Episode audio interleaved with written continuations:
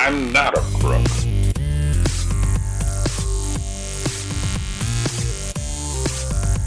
But because they are hard. I could update you on uh, the game. Alex Ring Uh huh. got uh, two yellows, Okay. so that's a red. That's good. And uh, oh, and they just put in uh, they just put in uh, Dominguez. Ooh, Dominguez. Oh no no, they put in Cascante for Dominguez. So All you right. know what that means. Oh, I do I ever. Uh, the Houston Dynamo's doing pretty well this year, it looks like. Uh, yesterday, we ended with a 1-1 against Dallas, which is a personal affront. I assume both. I assume both cities feel like they lost. yeah, Just, just for us to to make a, a plan right now.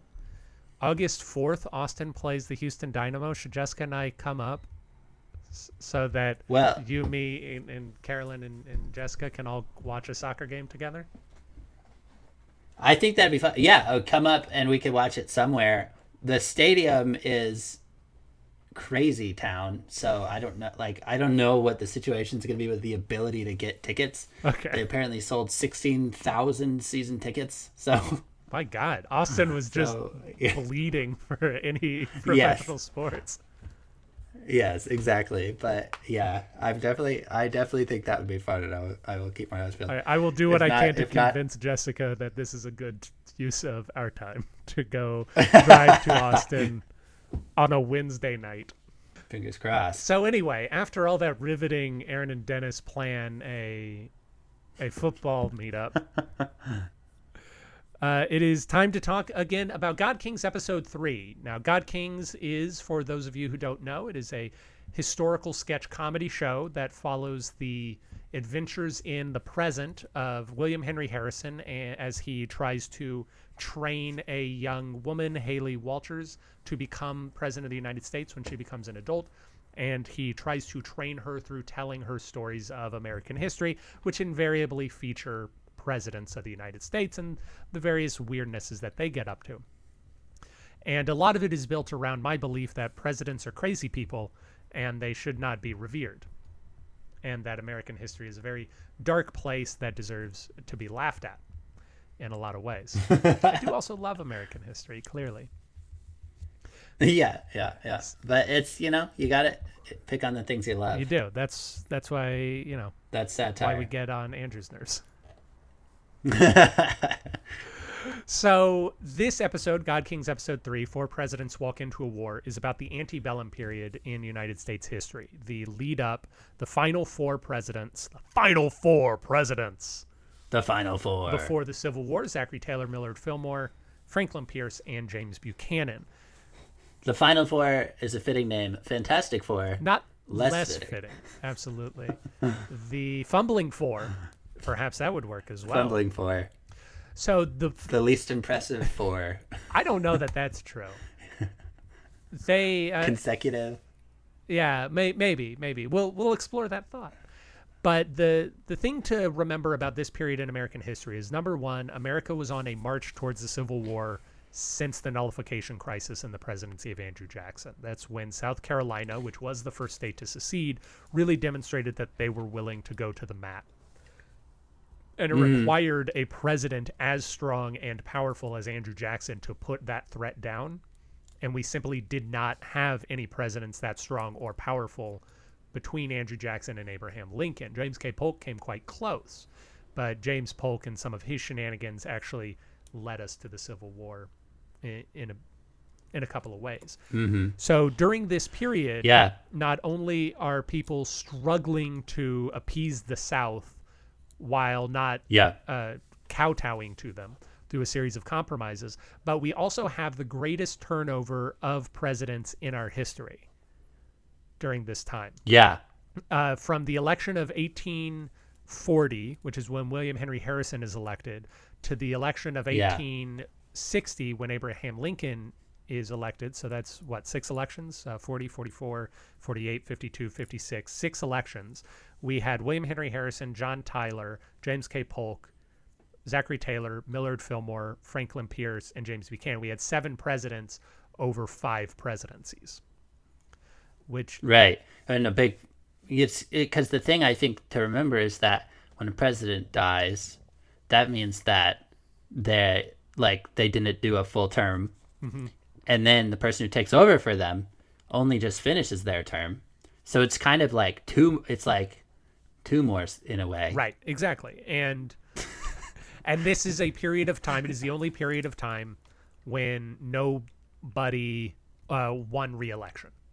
The only time that Yeah. comes close is the Reconstruction period when we had Rutherford B. Hayes, James Garfield, Chester A. Arthur, Grover Cleveland, Benjamin Harrison, Grover Cleveland in quick succession. But in that particular case, Grover Cleveland was reelected Yeah. et cetera, et cetera. So it's a very tumultuous time in American history, and we tried to demonstrate that. The other thing that we're trying to do in this episode is show that the politicians during this time were more worried about stability than they were with acceleration. So they said, as long as America stays together, it was very short term thinking. As long as America stays together on my watch, I'm not really worried about the situation I'm handing off to the next person. Yeah. Not that that would be any different today. No, not at all. Actually, it's, it's in fact uh, our, our last president, Donald Trump, when told that his economic policies would lead to massive debt, unemployment, and a general badness in a decade's time, he said, Who cares? I won't be here.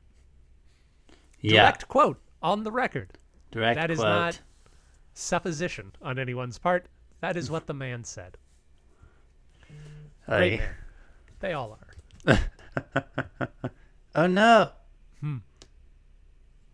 Kansas scored. Oh, Sporting One one. Sporting Kansas City's coming to get us next.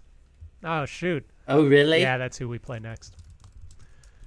That's we. Me like and the Kansas Dynamo. Uh, me and the Dynamo really got a tough game ahead of us in Sporting Kansas City. I was just gonna say I like Kansas City, but every MLS team is in a city that I like. I think I just like America. That's good for you. I don't like San Jose. oh, there you Yeah. go. I haven't been. I think I would like it. I liked San Jose more than I liked San Francisco, and less than I liked Oakland. Oakland's Yeah, nice. I yeah, yeah. Man, I got I got problems with that with that place. uh, in any case, so so it's a lot of short term thinking, passing things off, and what we're hoping to show in the modern part, because this is the first episode of God Kings where the modern story is very significant in terms of page count. The modern story is about half of the of the script as opposed to a, a very negligible part of the script in the previous two episodes. We're trying to show how when you are amassing political power and you're too afraid to lose use it because you're too afraid to lose it, it means that you don't do anything. And that's really what these presidents were doing is that they either could not or would not use political clout in order to get things done and so they left a situation languish until the civil war happened. And so you said Andrew Jackson is like when these things really start to uh, like eh, it's like you could kind of say that's where everything felt like there's these dominoes and then just kind of you can follow it all the way to the Civil War.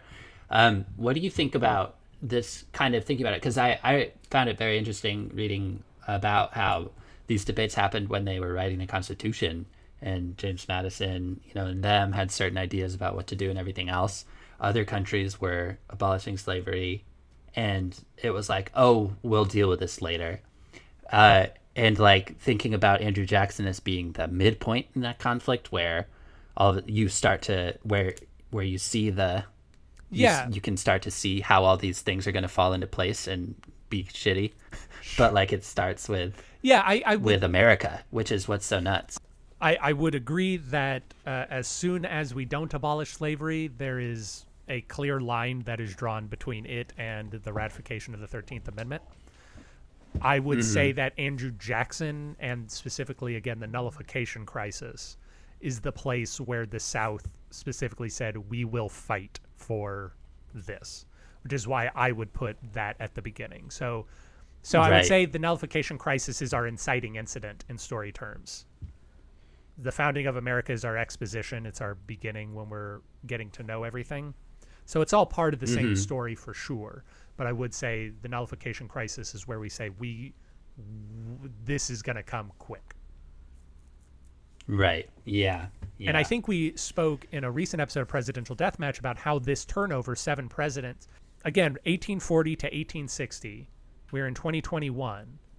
It is the same amount of time between the election of George W. Bush and the election of Joe Biden, where we had George W. Bush, Barack Obama, Donald Trump, Joe Biden.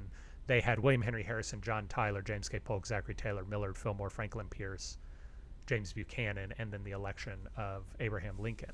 And so and that exacerbates the it's it's like a circular thing where it's like people i mean some of those people it's because they were dying but it's also like they're not staying in power because no one likes them but no one likes them because there's no unity in Right. the country but then with no leader there's no unity yeah it's yeah interesting exactly it it number one gives the impression that this amount of time was much longer than it actually was.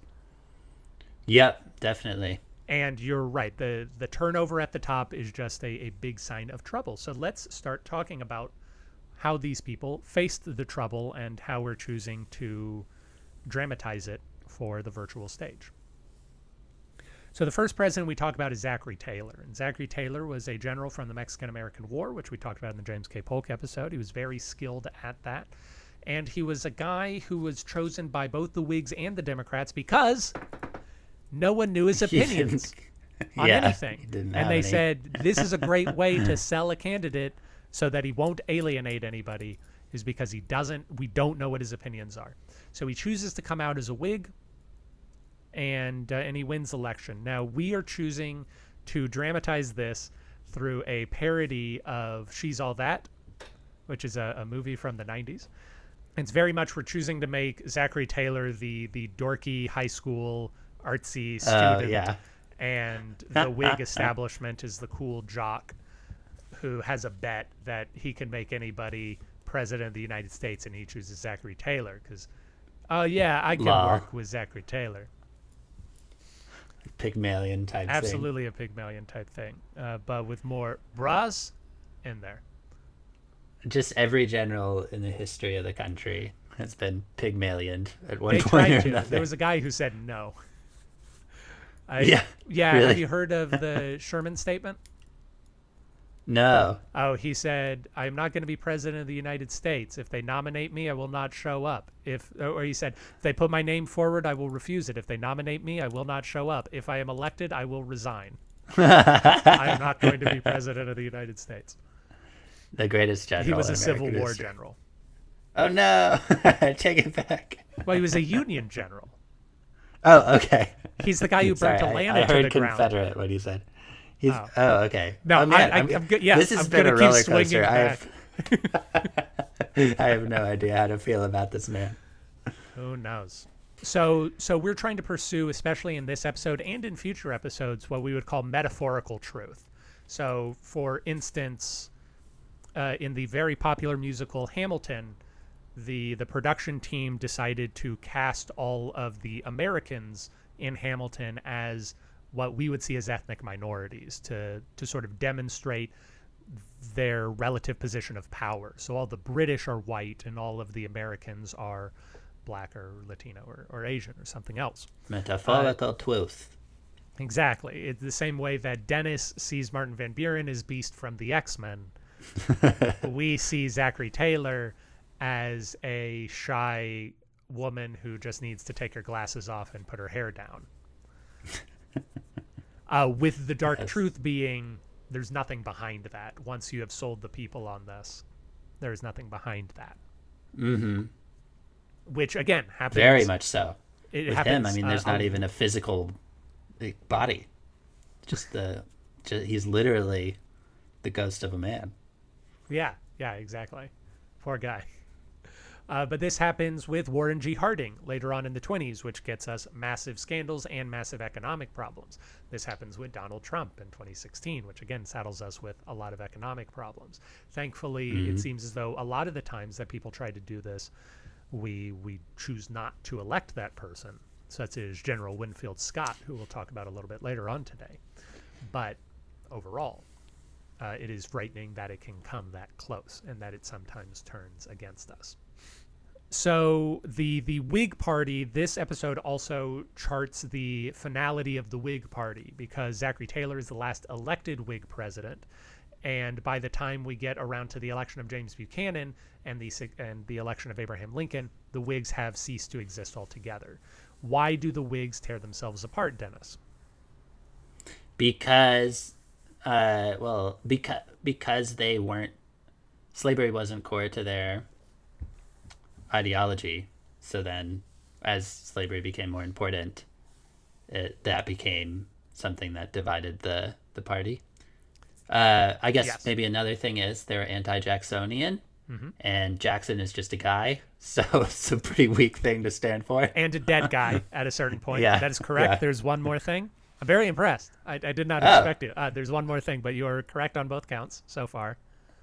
they well millard fillmore stopped being a whig during his presidency right didn't he get kicked out of the whigs No, that didn't happen. He he was still a Oh. Whig. He just wasn't a popular one.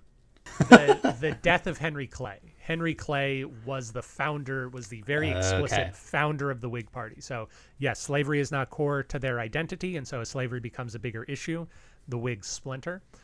They are founded as an anti-Jacksonian party, and 20 years after Andrew Jackson's presidency, we don't really need an Andrew Jackson anti-Jacksonian party, and Henry Clay is the founder and head of the Whig Party, and he dies, and so he does not have Yeah. the cohesion to hold on to people anymore. he died sacrificing himself for the that opera singer girl that he trained to be so good right Yeah, yeah, and it was beautiful. It was the right decision. Like there was a lot of uh, complex beauty to it. yeah because he was like not a good person really and then there at the end Well, the surprising thing is he's a complex guy. I'm not going to say he wasn't a good person. Was he a slaveholder? Yes. Did he still value the Union over slavery? Also, yes. Like he's he's a complex figure, Henry Clay. Uh, did he uh, ride around in a gondola with steam underneath a theater? All true. Does he like smashing chandeliers every day? Is he vaguely were there vaguely racist overtones about Indian mysticism in Henry Clay's story? Probably. We just haven't looked hard enough. i've never heard that before about the phantom of the opera Uh, the original Phantom of the Opera has the character study in India, like study Indian assassin techniques in India for so many years, and so he's, you know, he's palling around with a guy named Punjabi. It's it's it's just very classic British exoticism of India. yeah just just very clat like it's all stereotypical so let's uh, so henry clay henry clay is a is a big figure in american politics uh, in my opinion he's one of the most important men not to become president not for trying and uh, Yeah. we demonstrate that in this particular episode with henry clay being a main fixture in the stories of millard fillmore and zachary taylor he does not want to henry clay would be so good in modern family look at him looking at that camera that's true it's, it's kind of a phil dunphy of his day maybe Yeah, for sure. He's cracking wise. He's cracking wise. He's rapping people on the head with that cane. that cane looks hardcore It really does. I like that cane. oh my gosh But we're not a visual podcast, so we should probably. Photography of the day too i mean i think they just really caught people's folds. That lighting is beautiful. yeah Hey, I can see myself. Uh, so Henry Clay Millard Fillmore is a not a great. Sorry, let let me reset. The election of 1848. This is the election that Zachary Taylor gets elected in. Going into the convention, they think that one of two people is going to be elected uh, to become the Whig nominee. Either Henry Clay, who has run for president a Joe Biden number of times, but without a Joe Biden level of success and and a guy named Winfield Scott. And Winfield Scott was the other major general from the Mexican American War, which of course was still a very popular war. But winfield Zachary, scott very tall man. He would have been the tallest president had he been elected. Six five, I hear. Yes, six five. Uh, also known as Old Fuss and Feathers. He was. Uh, we portray so. Uh, going with the metaphor, the presidency is the prom, and Winfield Scott is a mean girl, and Henry Clay is kind of a desperate girl. There are a few other important people in the story of Zachary Taylor, all of which are, quite frankly, fascinating men in their own right, but we don't have time to go over all of them. There's John Morehead, who was the head of the Whig Convention in 1848, Andrew Stevenson, who was one of the the heads of the Democratic Convention, the Democratic Convention in 1848. I need to place different emphasis on those words. And then William Orlando Butler, who was uh, a man from Indiana, who wanted he was a unionist who had southern sympathies but then fought for the union in the civil war which is uh, i think very interesting quite frankly. Mm. Makes So- you wonder. Yeah. About what?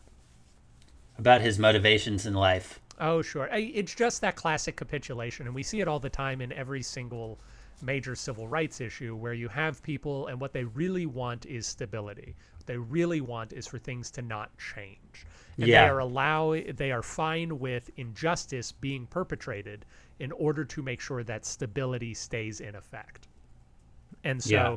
this is the same with Henry Clay. Henry Clay and, and John Bell, uh, we don't talk about John Bell in this episode. These are constitutional unionists, and they are people who led the charge to say we should make things easy for the South to hold on to their slaves because that will keep the South happy. But they were also saying the most important thing is the Union. And so when the Union dissolved, when the Confederacy started, they stayed with the Union. And they are the people in the film Lincoln who are urging for a peace settlement Mm-hmm. and uh, going against the ratification of the 13th Amendment. Mm-hmm.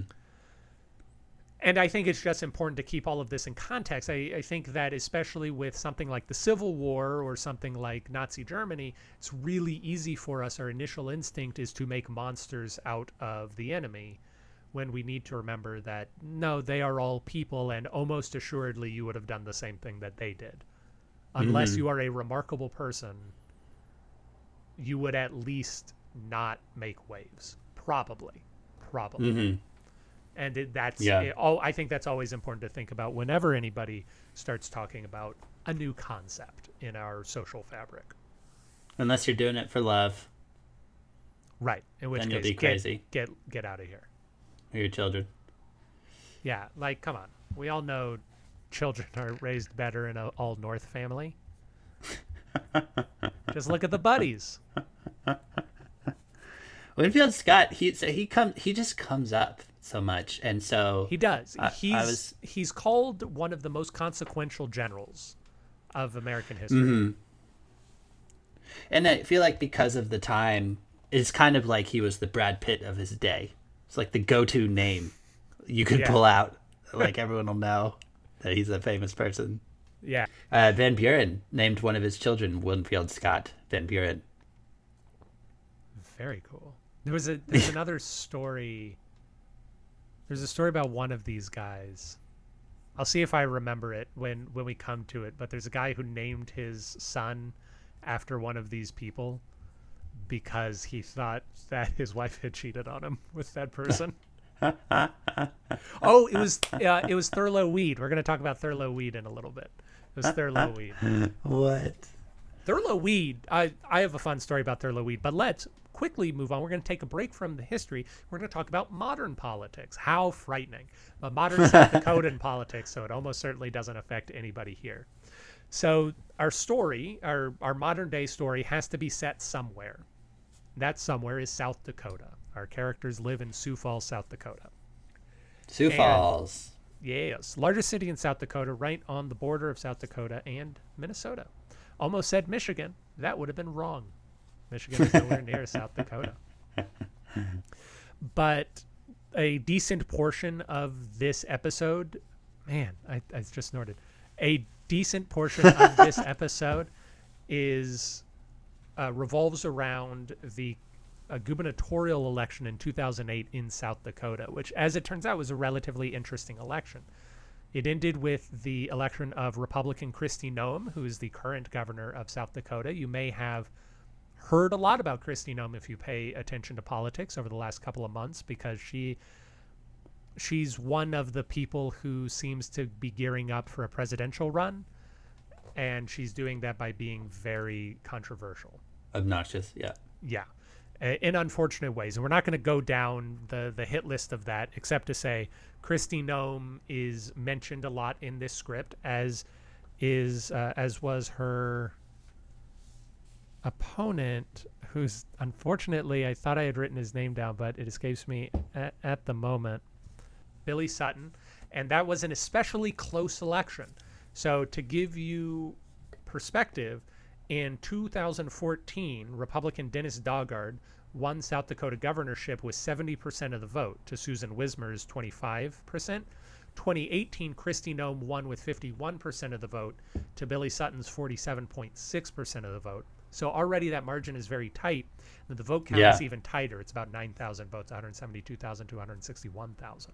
Wow. And so this was an especially consequential election, and it'll be interesting to see if in 2022, Kristi Noem blows the doors off of it, or whether the Democratic candidate either wins because uh, currently South Dakota, like a lot of the states in that region, is having an opioid crisis, and she has had an especially embarrassing showing on that, from what I understand. Or whether it's a hmm. route because we live in very polarized times. Yeah, I was gonna say, yeah, it's tough to think that that had happened because it doesn't seem like. I mean, they'd say that about Texas too. That Texas doesn't seem like a very purple state, but Texas is getting there. Well, not if we keep passing voter restriction laws. Yeah, that's true. Moving on. Uh, moving on. So back into history, we go with Millard Fillmore. And Millard Fillmore, Dennis, people keep saying Millard Fillmore is a boring president, but just every everything, like right, everything you learn about him just makes him more interesting, right? Milli Vanilli, Yeah, the American dream. in a lot of ways, comp from comptroller to president, like we all want to do. Yeah. he decided to take the intellectual route to the presidency. So, can you tell people a brief biography of Millard Fillmore? Very brief, because they can go and listen to a lot of our episodes if they want more. He's a, a Buffalo man, right?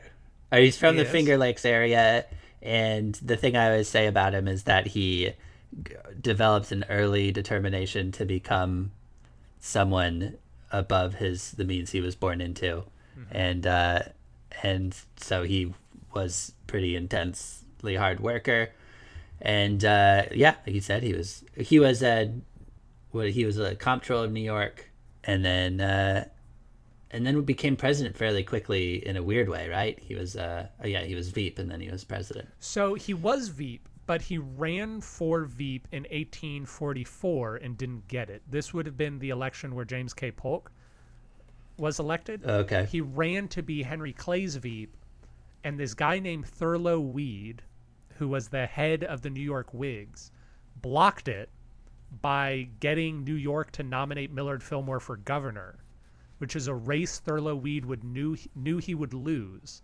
because Thurlow didn't want him running with Henry Clay and didn't want him as governor. So he did this very weird and successful public show of, hey, New York needs Millard Fillmore. You can't make him vi the vice presidential nominee. And then once the candidacy got underway, Thurlow just left him out to dry. And Thurlow Weed is a super interesting guy. Cause, so I, I, I was writing this script, right, uh, for God Kings 3. And I needed Uh-huh. William Henry Harrison in the present to make a joke about an a Whig, an early Whig. Like I just needed to grab a prominent Whig that William Henry Harrison would have known. Okay. And I saw the name Thurlow Weed, and I said, "That's a funny name.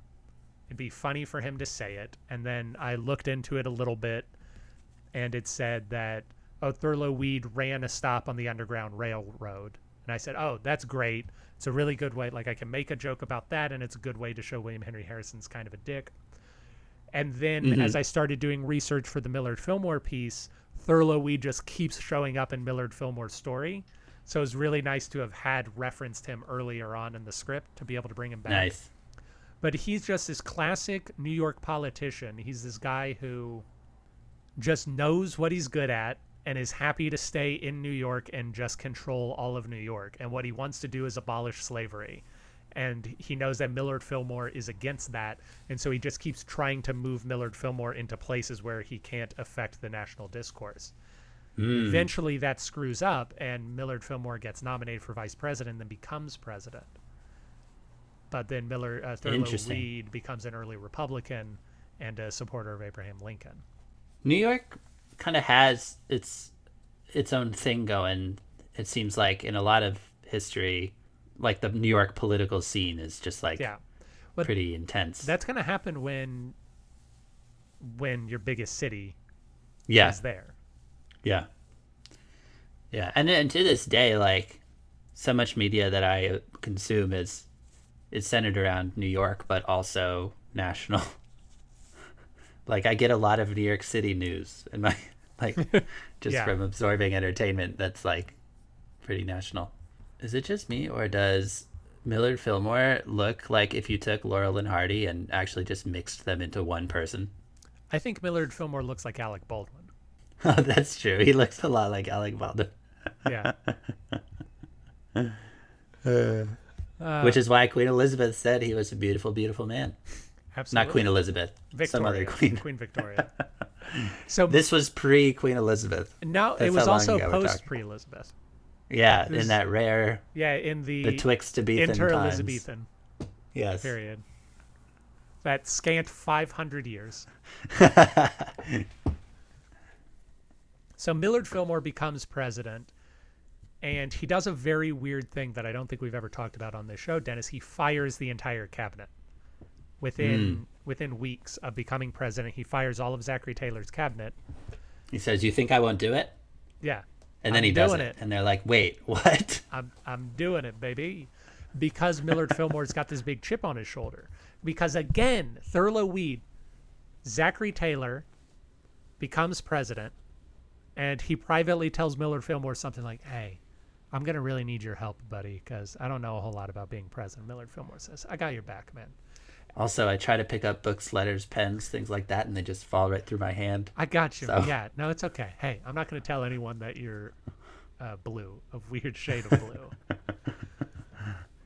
And Millard Fillmore says, Yeah, absolutely. I would love to be an active vice president for you. And Thurlow Weed sweeps in and takes all of New York away from Millard Fillmore. Like he gets Thurlow Weed manages who was publicly against Zachary Taylor's nomination, gets Zachary Taylor on his side to do all of the political appointees that Thurlow Weed wants, including the ones in Buffalo.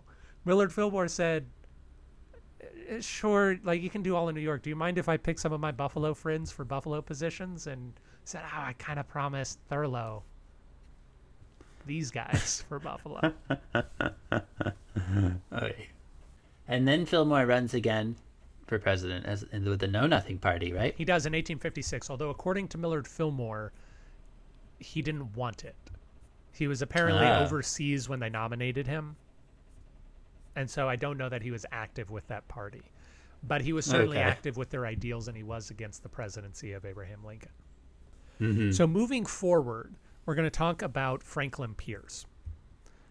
And Franklin Pierce is a is a pretty boy who got elected president. Although he writes very well. I was reading some of Franklin Pierce's letters earlier today and it's easy to see you know how sometimes when people try to act smart they will use very fancy constructions of their sentences? That's how I interpret a lot of Franklin Pierce. not not smooth per se, but like Yeah, it playing the part. it, it seems to be uh, without a lot of substance behind it. Like it's mellifluous, it's euphonious, but yeah. but it, it, it you just can't make sense of it because it's Yeah. not meant for persuasion. Yeah. But Franklin Pierce is one of my favorites. I think that we've talked a lot about Franklin Pierce, and by we, I, I mean I have talked a lot about Franklin Pierce on the podcast. But in the world of our story, he's this wasted president who's a who's like I said, he's a pretty boy, he's a partier, he wants to have fun, and he doesn't want to deal with the important stuff, aka slavery. And now we're like now we're truly on the descent into madness at this point when in in American government. Well, yes, with Frank. So Franklin Pierce is what they called a dough face, which means he was a northerner. He mm-hmm. was from New Hampshire, as you can hear Dennis keep forgetting during our states states battle. He was there, but he had southern sympathies. A lot of his cabinet was from the south, and he basically said, "Why are we worried about black people? They're not. I mean, they're not really people, right?" So Dred Scott Buchanan happened. exactly the same, right? Buchanan's interesting. We'll get to Buchanan in a second. But Franklin Pierce uh, had the Dred Scott decision under his belt, Mm-hmm. which is the one that essentially said slaves aren't safe anywhere in the United States. If we catch you at any time, Mm-hmm. you have to. You can get in trouble for not returning a slave back to his quote unquote master. hmm We decide to propagate a fictional story of Franklin Pierce drunkenly running over a woman with a horse, hmm which is something that probably never happened, but it was reported in a newspaper several years after Franklin Pierce's death and is very funny to think about. So you got to use it. Franklin Pierce is the only president who actively sought renomination and was denied it. Now, if you think about Oh, again Donald Trump in 2016, or you think about George W. Bush in 2004, or you think about oh, a- any number of presidents who are facing controversy, that the only time that came anywhere close to happening again was Gerald Ford, and Gerald Ford was a president who ascended to the presidency, right. and he right. was challenged by Ronald Reagan, who might be charisma incarnate. yeah, yeah. Right. and that And then- I think is remarkable to think about that Franklin Pierce was so bad at being president that they looked at a guy who had won before and said, "No, we don't think you're our best chance of winning." I thought it was so crazy with Trump. Like, you could choose anyone else. You're gonna choose this guy again. And well, yeah. yeah. just crazy. It makes you think nothing could possibly keep someone from getting put up for for renomination. Indeed, indeed. But and granted, things were very different back then. Uh, I would love to have a conversation if we can find it sometime in the future about the different ways that a party chooses a president versus the way a populace chooses a president, and that certainly has Mm-hmm. something to do with it. But Franklin Pierce was a guy who basically got nothing done. He's he's a man who is difficult to say did anything worthwhile with his presidency. Oh, Pierce, a tragic shell of a human being. Yeah, indeed. He was also a major alcoholic. And then finally, we come to our last president that we explore, James Buchanan, and the presidency of James Buchanan. Now, Dennis, you said James Buchanan was very similar to Franklin Pierce. He's a guy who was a dough face, a northerner with southern sympathies. He didn't really see slaves as people. And the fascinating thing about James Buchanan, as I've been reading over the last few months, is that there are so many different uh, interpretations of him. Some people say that he was basically a plant for the South. Some people say that he was a really smart, good guy who was handcuffed by what he thought the law was. And some people think he was a fumbling idiot hmm who was just incapable of getting things done.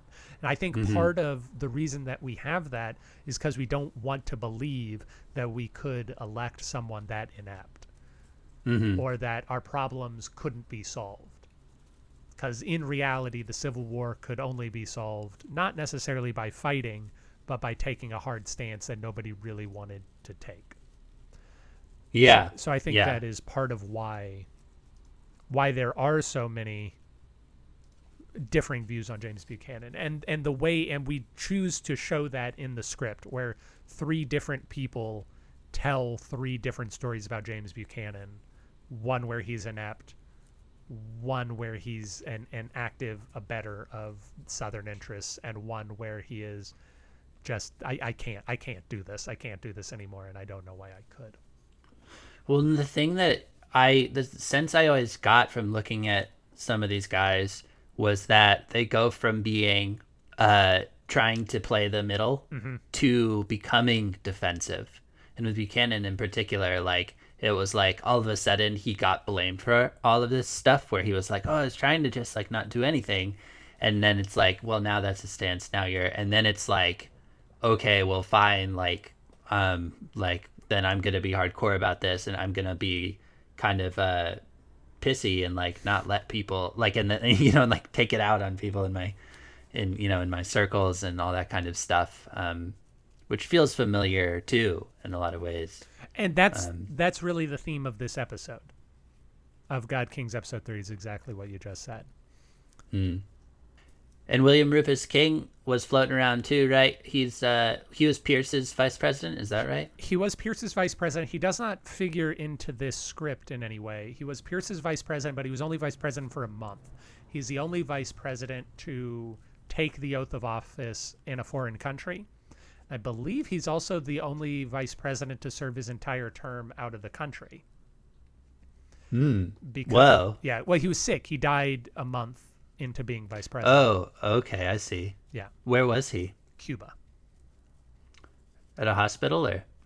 in so do you know how sort of hot springs areas are known for like you can walk and you can relax and the the nature will revitalize you he was in one of those sort of places And we're certain that he didn't decide to fake his death and just live in Cuba. yeah yeah we're, we're pretty sure that he was a very sickly man Okay. who, who did pass away of natural causes uh, by which i mean pneumonia He was Southern though, right? he was alabama Because it's interesting because he was he was clear he was like clo- very close with Buchanan. They lived together for some time. Mm-hmm. They did. He was close with Pierce. who's his vice president. well like but he's Southern. sorry i was going to say like any politician you live in washington enough you essentially become a washingtonian Yeah, yeah, that's true. Yeah, Is- it's just interesting to think about the Doughface thing in those terms. oh yeah and i think like- that's probably why he was yeah, su- such pals with them hmm is because he was a doughface or because they were doughfaces. Yeah, and then that reinforces those kind of things too. Yeah, you don't want to go against your buddies. Yeah. I know I don't. My dentist buddies. So one interesting thing about this, Dennis, is you recall we began writing these sketches in 2014, Hmm. a very long time ago, and Indeed. the project as it is right now it's growing and changing which means sometimes the scripts don't make sense anymore so for instance we had to replace we replaced andrew jackson's script in god kings 2 entirely. And similarly mm-hmm. we replaced the entirety of millard fillmore's sketch for this show. And we cut and rearranged a lot of james buchanan's sketch. And i think do i think both of those were the right decisions to do obviously because i made them. But it cuts some interesting things out that I want to talk about. So here are some things you're not going to see in the show, but used to be in the show. If you listen to our other podcast, and by ours I mean Pronoia Theater's other podcast, Pronoia Presents, you may eventually hear these sketches in their entirety. But we talk about J John C. Beck Breckinridge and Howell Cobb. And Dennis, you may remember uh, following the events of January 6th, 2021. Uh, so this would have been around February or March. I talked about how the people who made up the Confederacy were well established national figures in America. It would be akin to Ted Cruz becoming a Confederate, right? Right. So, two of the major architects of the Confederacy were Howell Cobb and John C. Breckinridge, who were both. John C. Breckinridge was the vice president of the United States, and Howell Cobb was the secretary of the Treasury up until the states seceded. Like they, they quite literally went from being Wow. in the cabinet to being to drafting the Constitution of the Confederacy, and we cut some scenes uh, talking about that dichotomy uh, and and that just very strange tension of going from this this one position to this other position, and it's still a thing that yeah, is- that is nuts. it's very strange to think about how Jefferson Davis was the Secretary of War under Franklin Pierce. Yeah. But on the other hand, there's a way in which it makes sense to me because you could imagine in that they are thinking of this as that they're they're the puppeteers of government in general and Right. so of course they're all at the top and then it's like but it's just crazy how the balance of an entire country an entire war comes to just this one you know the, this one table this one room so often in history Yes, it's it's just and aaron burr's just never invited in no. Aaron Burr can't catch a break.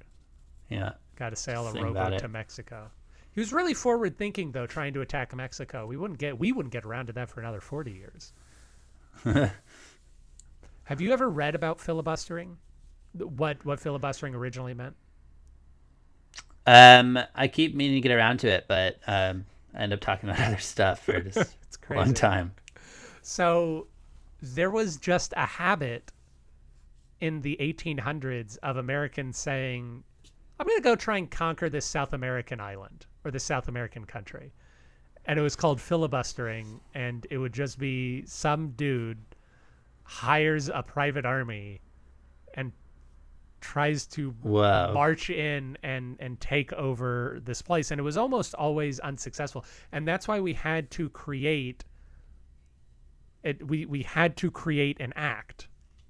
Uh that there is a there is an act that says you can not uh, a private citizen cannot conduct diplomacy on behalf of the United States. And there's another act that says a citizen of the United States may not try to conquer another country Oh my gosh.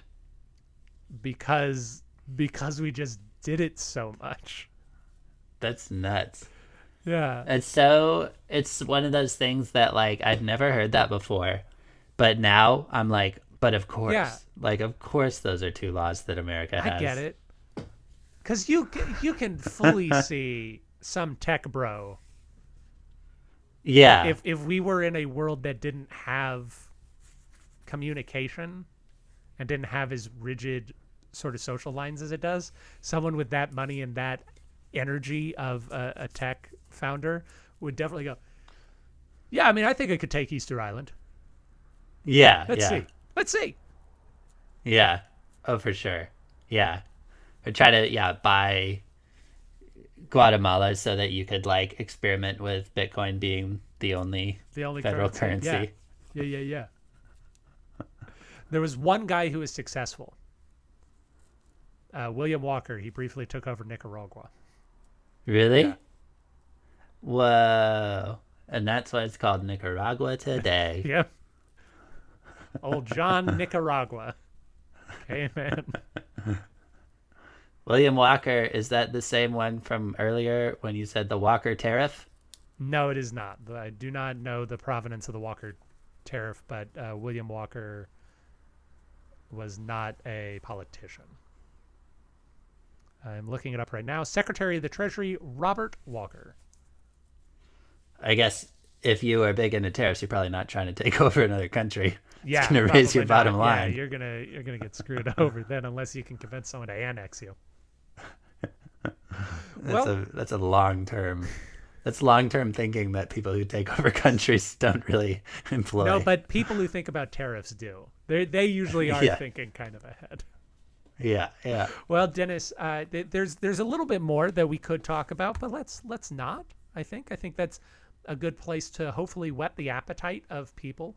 God Kings episode three, Four Presidents Walk Into a War, premieres on June 10th, and that'll be broadcast on Pronoia Theater's website as well as pronoiatheater.com. It's going to be a really fun show. I, I'm quite excited about the cast and the script, and I hope you are too. I think it's funny. I think it's satirical. I think that if, and I'm talking to Christine here, uh, if you think that we are a little too milk toast in our how we state our opinions usually, I hope that you will enjoy the other comedy show I am doing, where I get a little bit more bitter about, about my opinions. But yay! De- Dennis, do you have anything you want to sign off with? Um, unfortunately, Austin FC lost their I game. I was going to ask. 2 1? Can- yes, Kansas City scored with six minutes left in the game. I think it's goal. time to bury the Houston Austin hatchet, and I will pledge to you that Houston will defeat Sporting Kansas City in vengeance. Awesome. Huzzah! Texas first, and then Texas can just deal with it's their conflicts internally. yeah, it's Texas, Oregon. I feel a kinship with Oregon. Yes, the rest sure. of the United States, and then Dallas. I think we can agree on that hierarchy. Yeah, that is so true, and I think any Texan would agree with that. Yeah. Well, maybe not the Portland part, but but I certainly agree with the Portland part. Well, I said Oregon, not Portland. I think Portland's a part of Ah. Oregon, but there's Oregon's a real both Oregon and Vermont are good microcosms of Texas. so much so that Portland is Austin, as is Burlington, Vermont. They are all just Yes. Austin, Texas, just tiny versions of Austin. Yes, Texas. very much. Very much so. Uh, all right, buddy. Well, I will talk to you later. Everyone, stay tuned for the premiere of Presidential Deathmatch Season 3. Do not, do not listen to Fail to the Chief. It is lies and slander.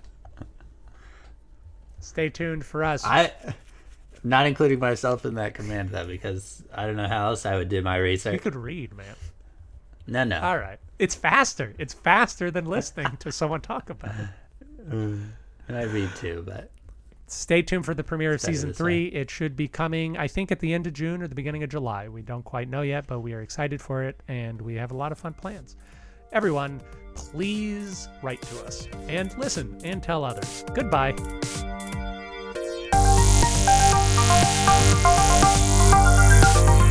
Thank you for listening to Presidential Deathmatch. Presidential Deathmatch is a production of Pronoia Theater. You can find more out about us at pronoiatheater.com. This program was edited by Aaron Garrett with music by Dennis Buddy and hosted by those same two lovable goofballs. You can always email us at contact at pronoiatheater.com. If you enjoyed the program, we ask that you rate and review wherever it is you found us. It really helps us out. And if you didn't like the program, why don't you stick around? We really grow on you.